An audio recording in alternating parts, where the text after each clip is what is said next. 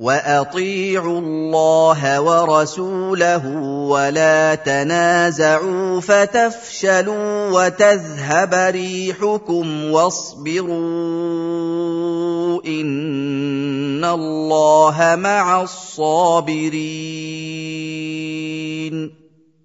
Dan tetaplah taat kepada Allah dan taat kepada Rasul-Nya dalam ucapan-ucapan, perbuatan-perbuatan, dan seluruh hal ihwal kalian. Dan janganlah kalian berselisih pendapat, karena perselisihan akan membuat kalian menjadi lemah, takut, dan kehilangan kekuatan kalian. Dan bersabarlah ketika kalian berhadapan dengan musuh kalian. Sesungguhnya, Allah bersama orang-orang yang bersabar dalam bentuk pertolongan, dukungan, dan bantuan. Dan barang siapa yang Allah menyertainya, maka ialah orang yang pasti meraih kemenangan dan mendapatkan pertolongan. ولا تكونوا كالذين خرجوا من ديارهم بطرا ورئاء الناس ويصدون عن سبيل الله والله بما يعملون محيط Dan janganlah kalian menjadi seperti orang-orang musyrik yang keluar dari Makkah sambil menyombongkan diri dan pamer kepada manusia, menghalang-halangi manusia dari agama Allah dan mencegah mereka masuk ke dalamnya. Sedangkan Allah Maha Mengetahui apa yang mereka perbuat. Tidak ada satupun perbuatan mereka yang luput dari pengetahuannya, dan Dia akan membalas mereka atas amal perbuatan mereka. واذ زين لهم الشيطان اعمالهم وقال لا غالب لكم اليوم من الناس واني جار لكم فلما تراءت الفئتان نكص على عقبيه وقال اني بريء منكم وقال اني بريء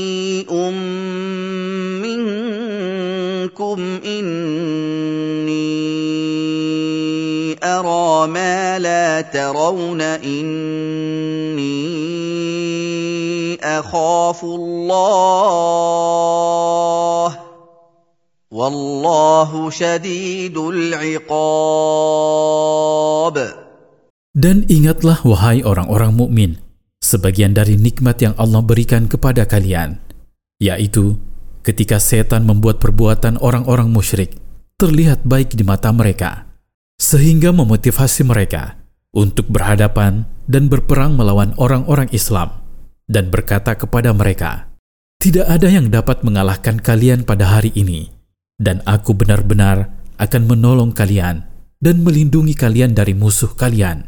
Kemudian tak kala kedua kelompok itu bertemu, maka kelompok orang-orang mukmin diiring oleh para malaikat yang akan membantu mereka, sedangkan kelompok orang-orang musyrik diiringi oleh setan yang akan menelantarkan mereka. Setan akan melarikan diri dari medan perang dan berkata kepada orang-orang musyrik, "Sesungguhnya aku berlepas diri dari kalian. Sesungguhnya aku melihat malaikat-malaikat yang datang untuk membantu orang-orang mukmin. Aku takut Allah akan membinasakanku dan hukuman Allah sangat pedih, sehingga tidak ada seorang pun yang mampu bertahan dengan hukumannya. إذ يقول المنافقون والذين في قلوبهم مرض غر هؤلاء دينهم ومن يتوكل على الله فإن الله عزيز حكيم Dan ingatlah, ketika orang-orang munafik dan orang-orang yang lemah iman berkata, orang-orang Islam itu tertipu oleh agama mereka yang menjanjikan kepada mereka kemenangan atas musuh-musuh mereka, meskipun jumlah mereka sedikit dan peralatan perang mereka tidak kuat, sedangkan musuh-musuh mereka berjumlah banyak dan peralatan perangnya sangat kuat. Mereka tidak tahu bahwa orang yang bersandar hanya kepada Allah yakin akan pertolongan yang dijanjikan olehnya. Sesungguhnya Allah benar-benar akan menolong mereka dan tidak akan menelantarkan mereka.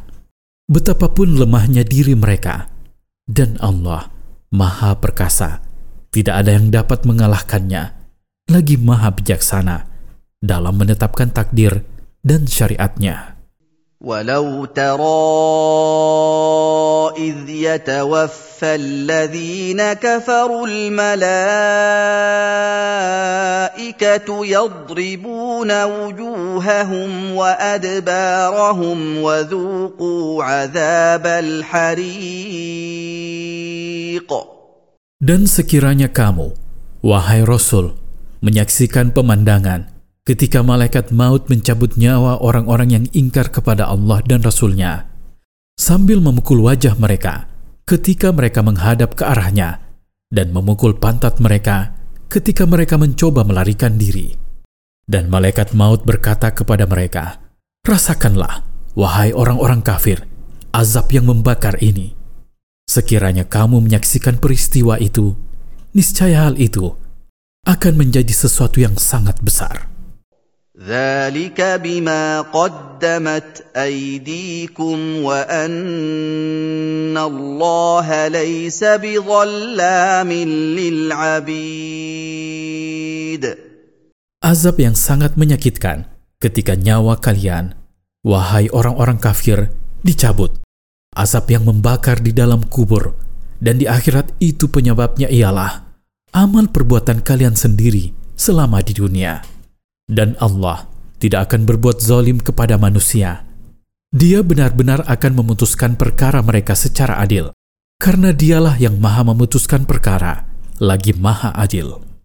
كداب ال فرعون والذين من قبلهم كفروا بايات الله فاخذهم الله بذنوبهم ان الله قوي شديد العقاب Dan azab yang menimpa orang-orang kafir itu tidak hanya menimpa mereka saja, melainkan merupakan sunnatullah yang berlaku bagi orang-orang kafir. Kapan saja dan di mana saja, karena azab itu telah menimpa keluarga Firaun dan umat-umat sebelum mereka.